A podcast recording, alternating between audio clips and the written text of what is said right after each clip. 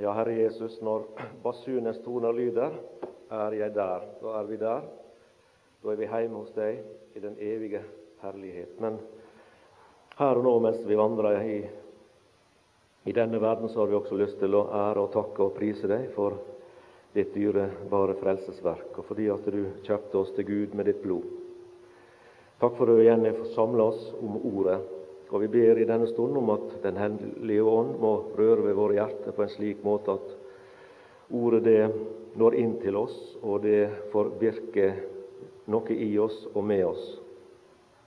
Og at vi får eh, se deg større og klarere enn noen gang. Og at du blir oss mer og mer kjær for hver dag, og at vi blir mer og mer avhengig av deg i vårt liv her i denne verden.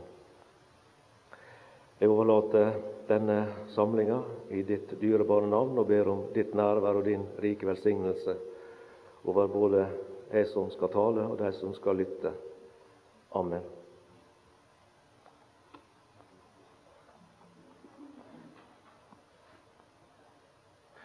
Som jeg nevnte den første bibeltimen, så er menigheten som er omtalt i Det nye testamentet, Eh, Kristi menighet. Det er ikke ei eller flere store, staselige, prektige bygninger som vi finner rundt omkring i bygder og byer rundt omkring i verden. Det er heller ikke noen godt dreven religiøs organisasjon eller, eller et konglomerat av ulike trosretninger. Ifølge Guds ord så er menigheten et utkalt folk. Det er mennesker som er utkalt ifra den store masse, ifra folkemengden, ifra folkehavet. Utkalt ved Guds ånd, kalt inn til samfunn med Gud. En her og en der. Og vi blir eh, gjennom dette frelst, og vi blir lemmer på Kristi legeme, som er menigheten. Og gjennom denne utkallelse så blir vi, den enkelte av oss, og i fellesskap forena med den Herre Jesus i liv. Vi har den samme art av liv som Han. Vi har fått guddommelig liv, vi har guddommelig natur. Vi er alle av én, som vi har nevnt flere ganger. Og dette folk, menigheten, det, det består av frelste mennesker. Det består av de som er født av Gud, som er født på ny, som er født ovenfra som Johannes evangeliet uttrykker det. Og Det betyr at når en person har eh, på Jesus, tar imot han ved tru, så blir han, enten en er ung eller eldre, enten en er mann eller kvinne, samme hva slags nasjonalitet en hører til, her menneskelig talt, så blir han og hun plassert ved Den hellige ånd inn i Kristi legeme som er menigheten. Det minte vi hverandre om i, i går, ifra bl.a. 1. Korinterbrev, kapittel 12 og vers 13. For med én ånd ble vi alle, alle uansett hvem vi er, hva slags bakgrunn vi har, hvor vi kommer fra, i utgangspunktet, så ble vi alle døpt til å være ett legeme.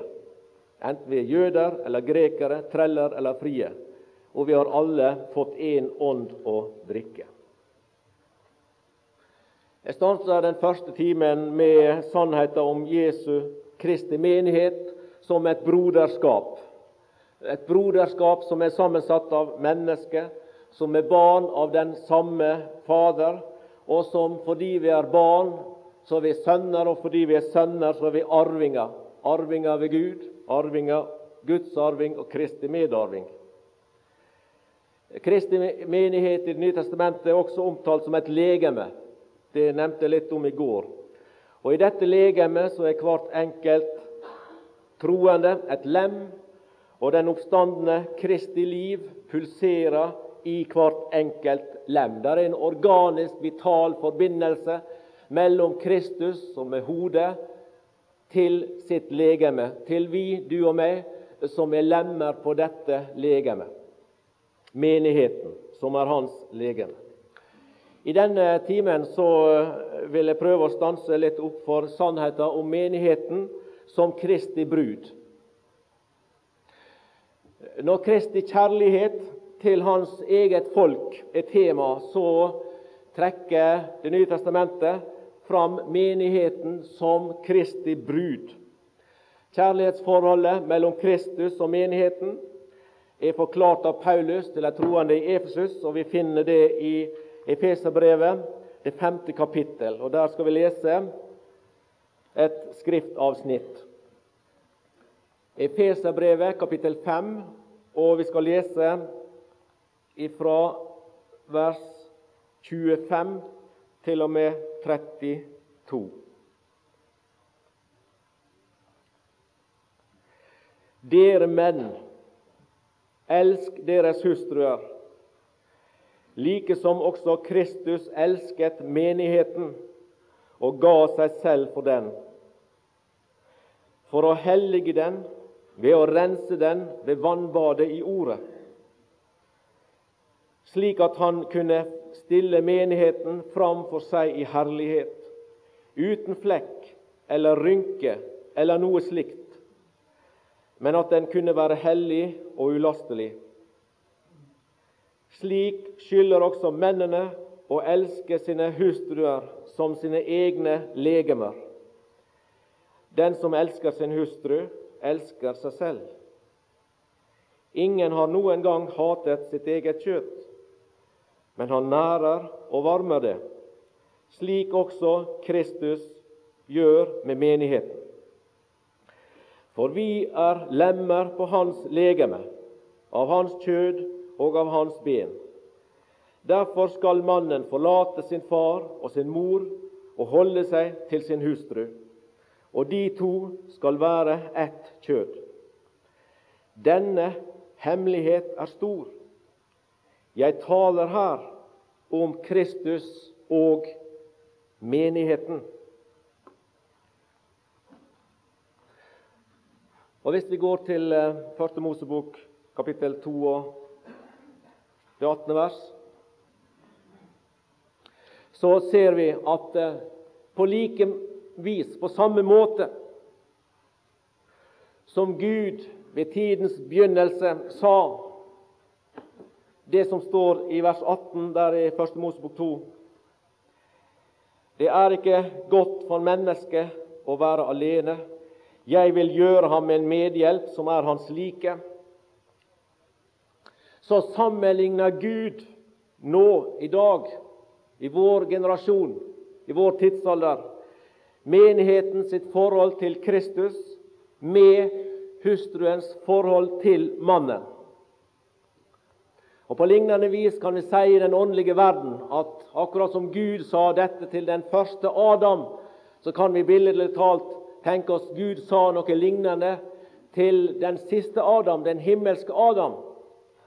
At det er ikke godt for mennesket, det sanne mennesket, det rene, det edle mennesket, å være alene. Jeg vil gjøre ham en medhjelp som skal være hans like, som er hans like. Og Det er interessant å legge merke til at eh, Paulus, når han her i Efeserbrevet 5 løfter fram forholdet mellom Kristus og menigheten, så tar han ord fra Adams munn når han så og møtte Eva, den første kvinne, hans hustru, slik som vi leser det i eh, kapittel 2 i Første Mosebok og vers 23. Eh, der står det Da sa mannen denne gang er det ben av mine ben og kjøtt av mitt kjøtt. Og Paulus han beskriver det på denne måten i Efeserbrevet 5 og vers 30. For vi er lemmer på hans legeme, av hans kjøtt og av hans ben. Der ser vi at eh, Adam og Eva blir brukt som det første bildet Forholdet mellom mann og kvinne, mellom mann og hustru, blir brukt som et bilde på Kristus og menigheten. Når han skal snakke om det personlige og intime fellesskap mellom Kristus og menigheten, så siterer han ord fra Adam når han sa det som vi la oss her i vers 23 i 1. Mosbok 2. Og det, det, er ikke for ingenting, det er ikke tilfeldig at uh, Paulus siterer på denne måten. For uh, i Romerbrevet, det femte kapittel, og i det 14. vers, der står det at uh, om Adam, den første Adam Der står det om han Siste del av vers 14 i Romerbrevet 5. Slik som Adam, han som er et forbilde på den som skulle komme. Adam var et forbilde på den som skulle komme. Adam var et forbilde på Kristus. Og Derfor så er den første kvinna Gud ga Adam, kvinna som han fikk av Gud, det er det første forbildet på menigheten. Og den første mann, Adam, var et forbilde på det andre mennesket, på den siste Adam, den Herre Jesus Kristus. I eh, første Mosebok Vi holder oss litt der, og litt i Efeserbrevet 5 for det meste. I andre kapittel og i vers 15 så ser vi at Gud, etter at han hadde skapt Adam, så står det at Gud Herren tok mennesket og satte ham i Edens hage til å dyrke og vokte den. Adam ble plassert i Edens hage han fikk et oppdrag fra Gud, han fikk oppgaver å gjøre. Han ble sett til å være skapningens herre. Men i alt dette herlige, i alt dette vakre, i alt dette fredfulle og i alt dette fullkomne, så var det likevel et men. Det var et men. Det var liksom ikke helt slik som det skulle være likevel. Og Dette menn det finner vi omtalt i vers 20. Vi kan lese vers 19 også. Gud Herren hadde formet av jord alle markens dyr og alle himmelens fugler, og han førte dem til mennesket for å se hva han ville kalle dem. Det navnet mennesket ga hver levende skapning, det skulle den ha. Så ga mennesket navn til alt fe, til himmelens fugler og de ville dyr. Men men for seg selv fant mennesket ingen medhjelp som var hans like. Med andre ord midt i dette vakre, majestetiske, fullkomne, ideelle som var i Edens hage. Midt i sin aktivitet og sitt arbeid og sin tjeneste for Gud i disse omgivelsene, i dette miljøet, så opplevde Adam for sin egen del at det var en mangel. Men for seg selv fant mennesket ingen medhjelp som var hans like. Han var ensom. Han følte seg ensom. Han følte seg alene. Og så er det at Gud griper inn, slik som vi las i vers 18, hvis vi går opp igjen der. Så sa Herren, Gud Herren, det er ikke godt for mennesket å være alene. Jeg vil gjøre han en medhjelp som er hans like. Den tanke som Adam hadde i sitt hjerte, den eh, svarte Gud på. Han ble på en måte bønnhørt her. Og eh, Gud tenkte Adams tanke, så hans tanke. Og Gud han ville gjøre han en medhjelp som er hans like. Og På lignende måte så, så også Gud i den forgangne evighet. Han så sin kjære, elskede, enbårne sønn og bestemte at han skulle få en medhjelp som skulle være hans like. Han bestemte at han skulle få ei brud som skulle være hans elskelige, dyrkjøpte, himmelske brud, som skulle være ved hans side i evigheters evighet. I Feserbrevet 2 vers 10 der står det om en skapelse. Vi vet, vi skal komme tilbake til det etterpå her, at uh, når Gud danna denne kvinne og brakte den til Adam. Og Her leser vi om en skapelse i Efeserbrevet, det andre kapittel og vers 10. For vi, du jeg som er lemmer på Kristi legeme, du jeg som er frelst av nåde, du jeg som hører til menigheten, vi er Hans verk, skapt i Kristus Jesus til gode gjerninger.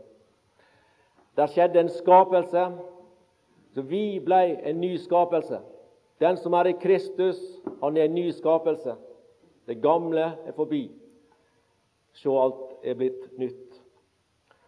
Og det som Gud skapte, denne kvinne han skapte, åndelig talt, menigheten, Kristi brud, den består av alle gjenfødte og er Faderens gave til Sønnen. Men vi kan spørre hvordan gikk nå dette til for Adam sitt vedkommende? Og Da skal vi igjen gå til første Mosebok 2. Og Hvis vi da leser i vers 21 og 22, så får vi en beretning om hvordan dette skjedde. Da lot Gud Herren en dyp søvn komme over mennesket. Og mens han sov, tok han et av hans ribben og fylte igjen med kjøtt. Og Gud Herren bygde av det ribben han hadde tatt av mannen, en kvinne, og førte henne til mannen.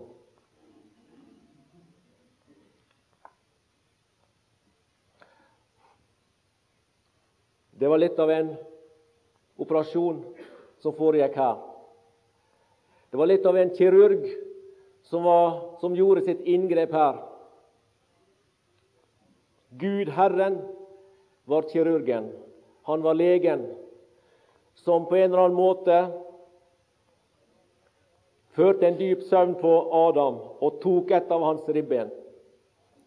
Og Vi kan tenke oss at når dette inngrep skjedde, så måtte det gjerne renne blod.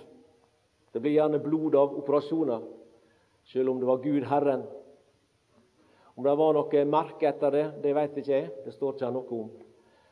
Men i hvert fall, jeg har lest det i, ei, i en kommentar, at uh, dette ordet 'dyp' Da lot Gud Herren en dyp søvn.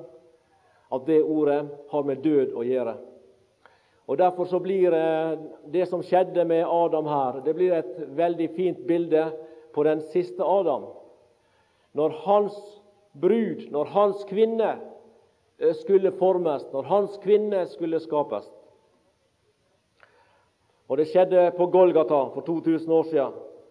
Da lot eh, Gud Herren en dyp, dyp søvn falle over den siste Adam, over Guds egen sønn. Og Da skjedde det et inngrep. Da var Gud Herren ute med sin kniv.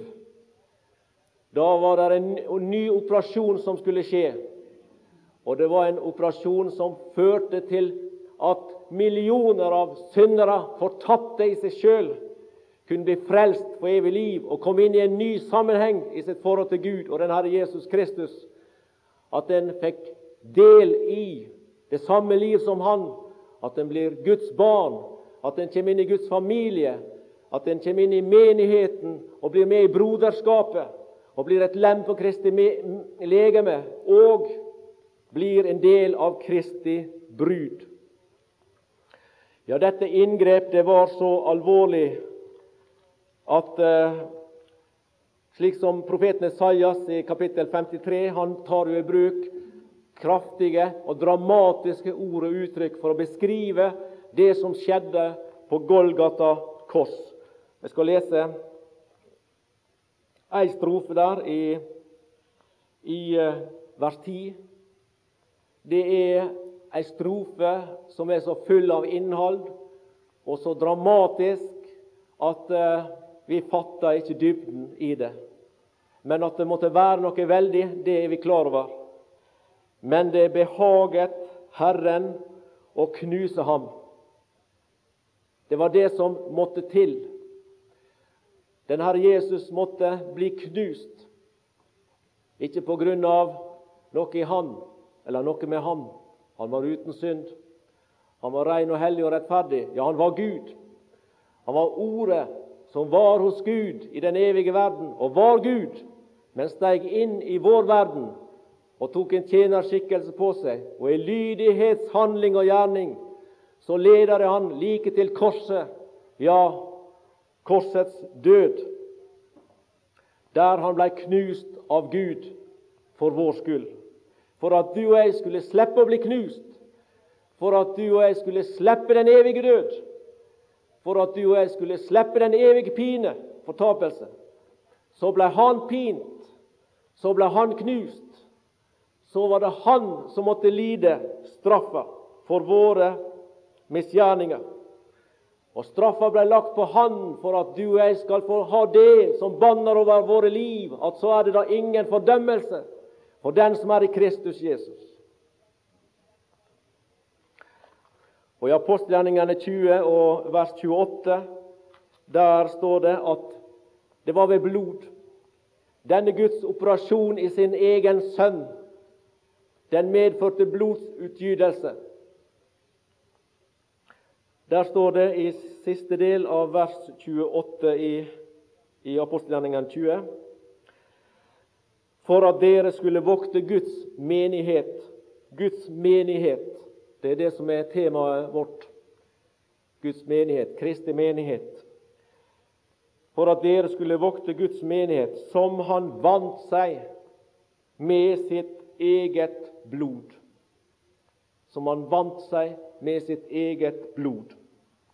Der på Golgata kors, i denne dype, dype dødens søvn, der Gud med sin kirurgiske kniv var inne. Det førte til blodsutgytelse.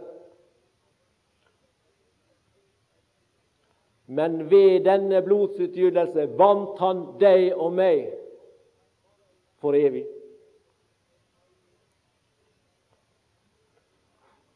Og I Salme 22 leser jeg et par vers der også, som beskriver hans smerte og det som han eh, kjente og bar på på korset. Vi kan lese vers 15 og 16 f.eks. Salme 22. Jeg er utøst som vann, og alle mine ben skiller seg ad. Mitt hjerte er som voks smeltet inne i meg. Min kraft er opptørket som et potteskår, og min tunge henger fast ved mine gommer. I dødens støv legger du meg. Men Gud være takk, så vet vi at eh, Golgata, korset, det endte ikke i, i nød og smerte og nederlag, men det endte slik som eh, Salme 22 eh, enda, der det står at han har gjort det. Det er fullbrakt. Frelsesverket som han kom for å gjennomføre, det gjennomførte han. Og Derfor så oppreiste Gud han fra de døde på den tredje dag, og gjennom det beviste at Gud var tilfreds med Sønnens gjerning. Kristi død var nødvendig for å frambringe ei brud for Guds sønn. I eh, Efeserbrevet 5, som vi holder oss til, så ser vi i vers 25 eh, noe som beskriver Kristi hengivelse til menigheten og for menigheten. Hans følelser og hans holdning for menigheten. Der står det at Kristus elsket menigheten og ga seg selv for den. Han elsket Han elsket ikke i ord bare, han elsket ikke i ord, men han elsket i handling. Hans gjerning, hans handling, viste og beviste at han elsket menigheten. Han ga seg selv for den. Og denne inderlige, denne brennende, denne evige kjærlighet som førte han fra den himmelske, fra den evige verden, og ned til vår verden, til denne syndige jord, til fornedrelse og lidelse og død, slik som Galaterbrevet 20, nei, 2.20 uttrykker det. Der det siste delen av det verset sier noe om Guds sønn. Guds sønn som elsket meg og ga seg selv for meg. Tenk det. Han elsket meg og ga seg selv for meg. Hva er det som binder deg, du i din natur fortapte synder, til den evige, hellige, rettferdige Gud? Det som binder oss til Ham, det er Sønnen. Sønnen som er det sanne mennesket og sann Gud. Mennesket Jesus Kristus. Det er Han som er vår mellommann og den eneste mellommannen. Og Her står det Guds sønn, han som elsket meg og ga seg selv for meg. Og gjennom det at han ga seg selv for meg, var, han i stand til, som Peter uttrykker det, å føre oss fram til Gud. Og I dette uttrykket 'ga seg selv' der ligger det et innhold av å overgi seg, av å hengi seg til noen. Han ga seg over frivillig. Han ble ikke ført i trass eller av tvang eller motvillig til Golgata. Han overga seg urettferdige menneskers hender frivillig. Han lot seg nagle til korset frivillig. Han lot seg fornedre. Hans lidelse og hans død det var en frivillighetshandling for oss Ingen kan ta mitt liv, sa han. Jeg setter det til av meg selv, og jeg har makt til å ta det igjen. Og det var det han gjorde. Han satte det til av seg selv i kjærlighet til menigheten. Kristus elsket menigheten og ga seg selv for den.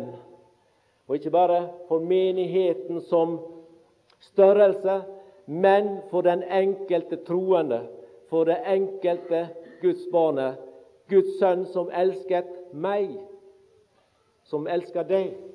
Deg. Ikke bare de som du sitter ved siden av, ikke bare de kjekke, snille, gode som du kjenner, men deg. Med alle dine fall, med alle dine nederlag, med alle dine synder, med alt som bor i deg av mørke han elsker deg og ga seg selv for deg. Det var kjærligheten som drev han. Kjærligheten til menigheten. Han ville for sitt, sin egen del så fant ikke mennesket noen som var hans like. Han ønska en ved sin side for evig, som skulle være hans brud og som skulle være hans like. Som sangeren uttrykker det fra den rene himmel til syndens mørke jord steg min frelser villig ned. Han steg villig ned. Han holdt det ikke for et rov å være Gud lik, men av seg selv ga han avkall på det og tok en tjenerskikkelse på seg.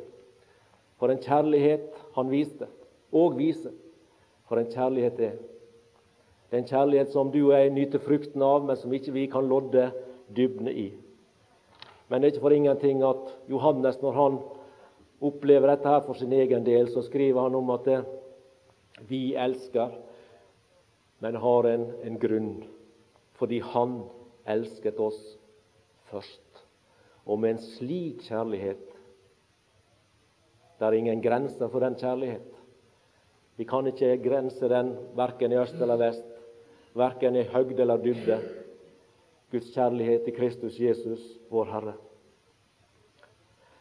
Tenk, han gikk for oss i døden, synger en annen sanger.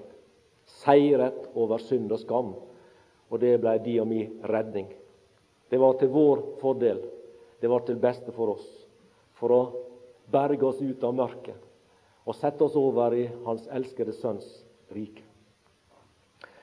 Så tilbake til eh, Første Mosebok 2.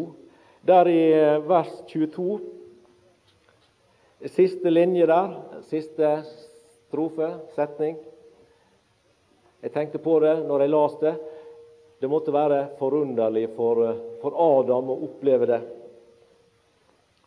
Jeg leser Og Gud Herren, og så hopper jeg litt, og så førte henne til mannen.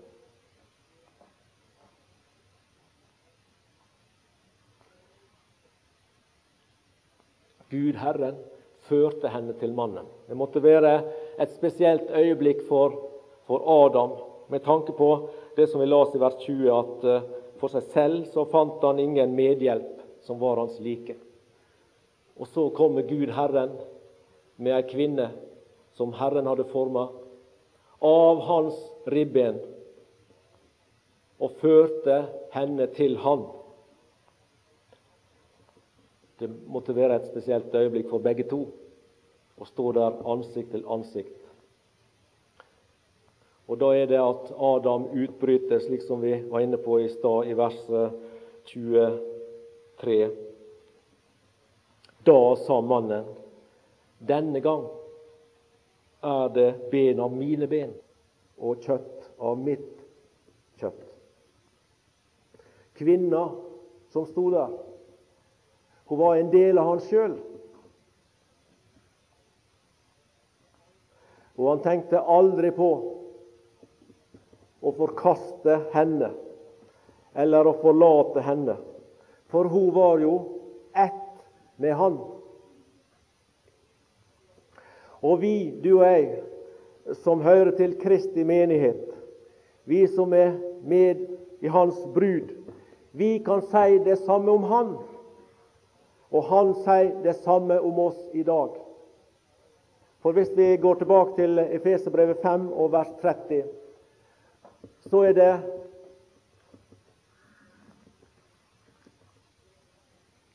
Så er det vi som kan si dette. For vi er lemmer på hans legeme. Og fordi vi er lemmer på hans legeme, så er vi ett med han. Vi hører han til. Vi er i livsforbindelse, i organisk forbindelse med han. Av hans kjøtt og av hans ben. Men hva sier han om oss? Ja, Da kan vi f.eks. gå til Johannes evangeliet, det sjette kapittel og vers 37. Vi oss om Gud Herren som forma denne kvinna, og at han førte han til mannen, førte henne til mannen. Kvinna blei Guds gave til Adam. Og Her leser vi i Johannes evangeliet, kapittel 6, vers 37. Alle de som Faderen gir meg, kommer til meg. Og den som kommer til meg, vil jeg slett ikke støte ut.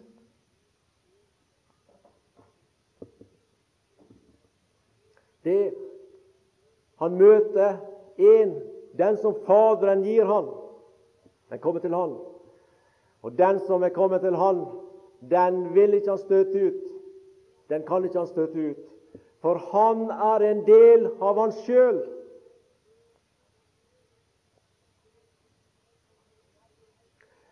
Den Herre Jesus kan aldri tenke på å forkaste noen av sine lemmer.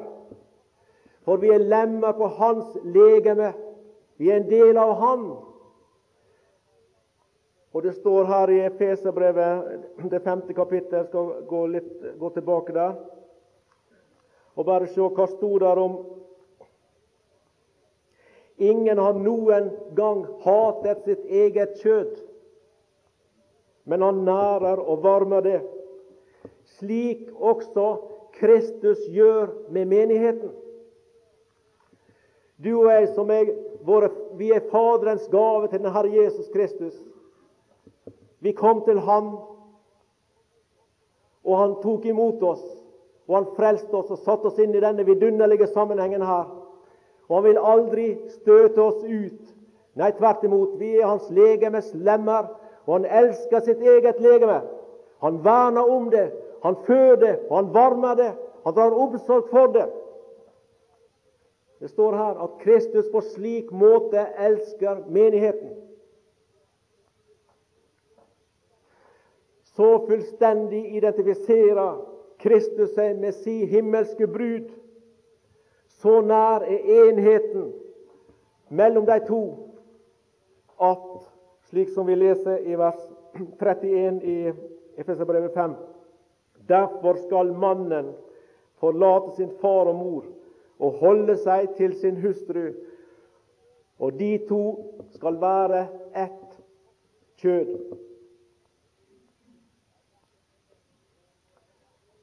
Og eh, den himmelske brudgom, han eh, forlot sin far og mor, for å holde oss i bildet, og kom ned til denne verden for å få ei brud som skulle være hans brud, hans elskede brud. Og enheten i denne forbindelse, den er så intim og så personlig og så sterk og så varig som Efeserbrevet her uttaler det, som det skal være på det menneskelige plan, at de to skal være ett kjød. Eh, og i 2. Korinterbrev 11 2. Korinterbrev 11, der ser vi litt av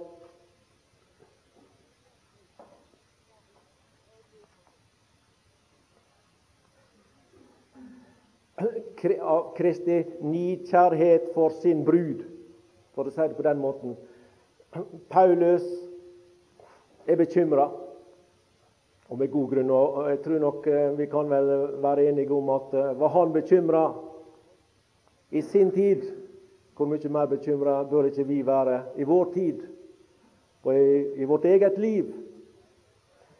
Men jeg frykter for at liksom slangen dåret Eva med sin list, slik skal også deres tanker, og også dine og mine, bli fordervet og vendt bort fra den enkle og rene troskap mot Kristus. For jeg er nidkjær, sa han i vers 2. Jeg er nidkjær for dere med Guds nidkjærhet. Jeg har jo trolovet dere med én mann for å fremstille en ren jomfru for Kristus. Det er Guds ønske at denne brud, denne jomfru, at hans brud i den tid som ligger mellom da han former den og til hans møte med den i den evige verden. Det vi kan kalle for forlovelsestida, trolovelsestida. At den skulle være slik at det var trofasthet fra brudens side. Jeg trolovet jo dere med én mann, og jeg er nidkjær for dere med Guds nidkjærhet. Den Herre Jesus han vil ha sin brud for seg sjøl. Han vil ha sine for seg sjøl, som vi også har hatt så fint ellers i, i denne samlinga. At han vil at våre tanker skal være opptatt med Han. At vi skal være opptatt med Hans interesser, at vi skal være opptatt med Hans planer, at vi skal være opptatt med det som interesserer Han i denne verden, og at eh, vi skulle vandre på Hans veier og være til ære for Han. Han vil ikke dele bruden med andre. Jeg trolovet dere med én mann, og for å framstille en ren jomfru for Kristus. Han vil ikke dele den med noen, ikke i evighet. Og han vil heller ikke, har ikke interesse av å dele den med noen her i denne verden i forlovelsestida. I kjærlighet til menigheten, så gikk Kristus i døden. Og nå i dag, mens vi lever her, i vårt daglige virke som hans barn, som lemmer på hans legeme, som deler av hans brud, så sier Efeserbrevet 5, der vi har holdt oss, i vers 26, at uh, han har en oppgave. Det foregår noe i tiden her mens vi vandrer på vår vandring fremad mot den evige verden. Og det er at eh, det foregår en renselse. Han eh, helliger den, står det, for å hellige den ved å rense den ved vannbadet i Ordet. Og i Johannes kapittel 15 og vers 3 der finner vi også et ord om dette med renhet og rensing. Johannes 15 og vers 3. Dere er alt rene på grunn av det ord som jeg har talt til dere. Ordets renselse.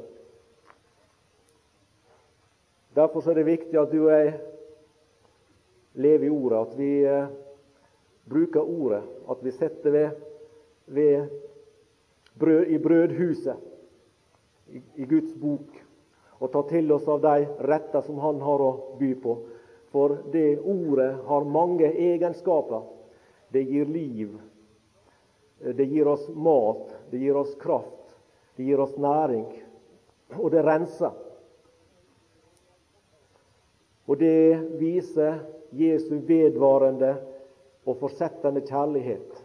Han har ikke liksom eh, tatt en pause i sin kjærlighet etter Golgata-verket.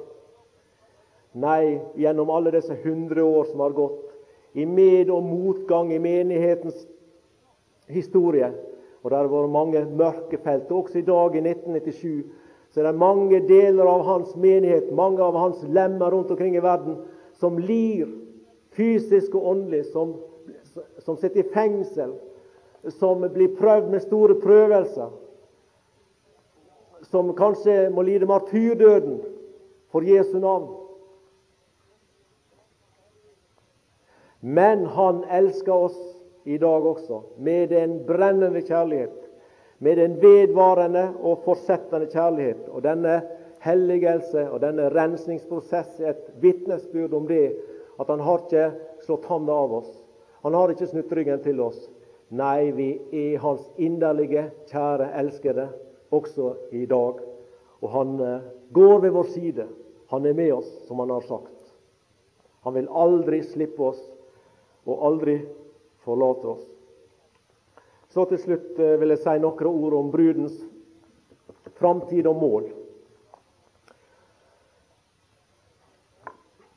I vers 27 i Efeserbrevet 5 der står det om at han kunne stille menigheten fram for seg i herlighet, uten flekk eller rynke eller noe slikt.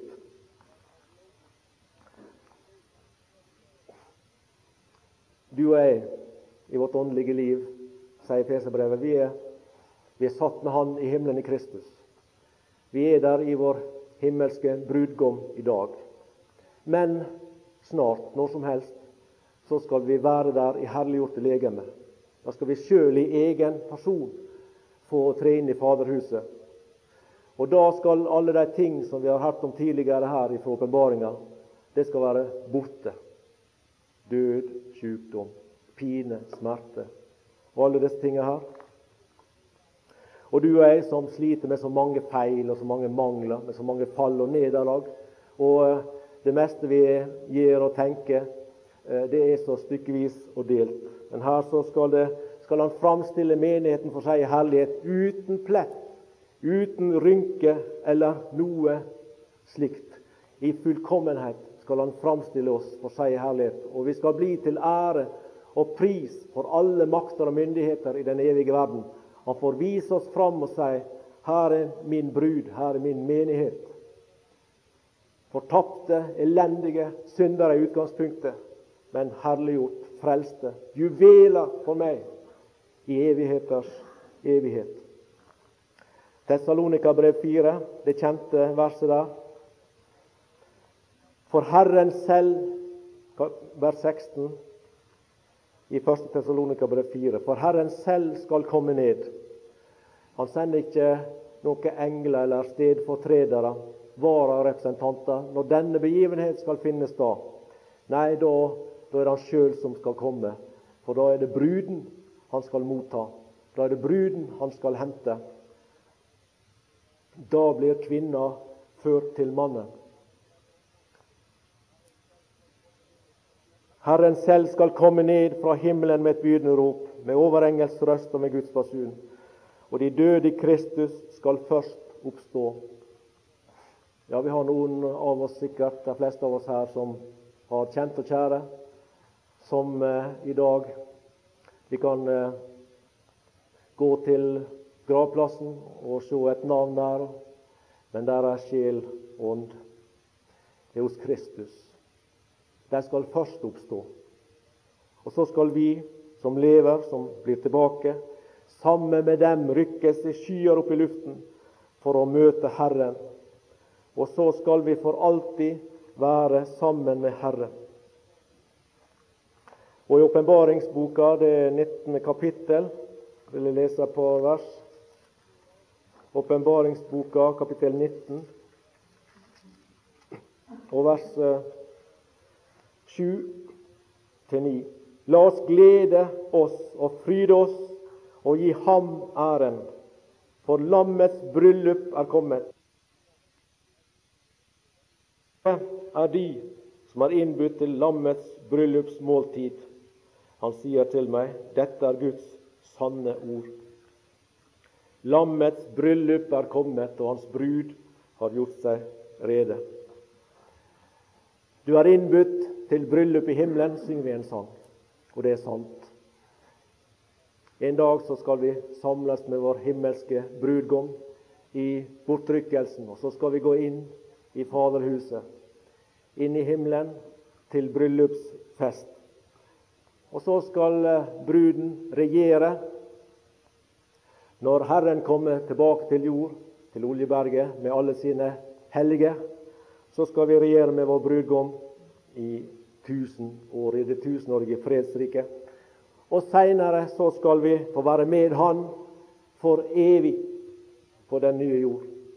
Da skal vi alltid, alltid være med Herren, også etter at Bibelen sier og det er ikke mer tid.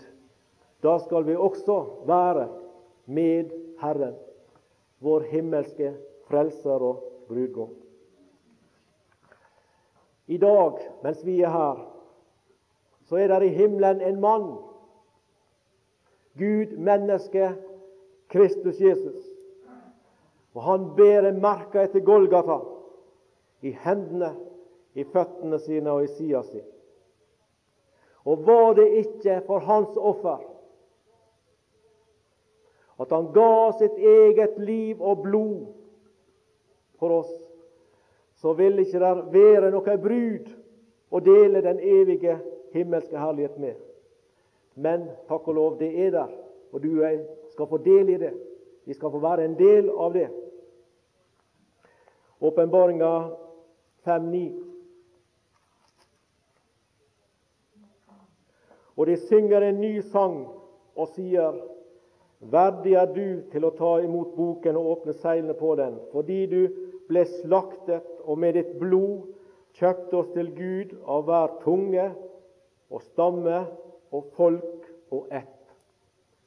Og Det er jo vi et levende vitnesbyrd om her på bibelsamlinga på Lundenes i år. Mennesker fra ulike stammer, tunger, folk og etter det representerte her. Og vi skal i fellesskap bringe Han ære og takke Han og prise Han fordi Han kjøpte oss til Gud med sitt blod. Det var det som gjorde det mulig for deg og meg å få del i denne evige frelse, og få del i denne evige framtid sammen med Herren Jesus Kristus som hans brud.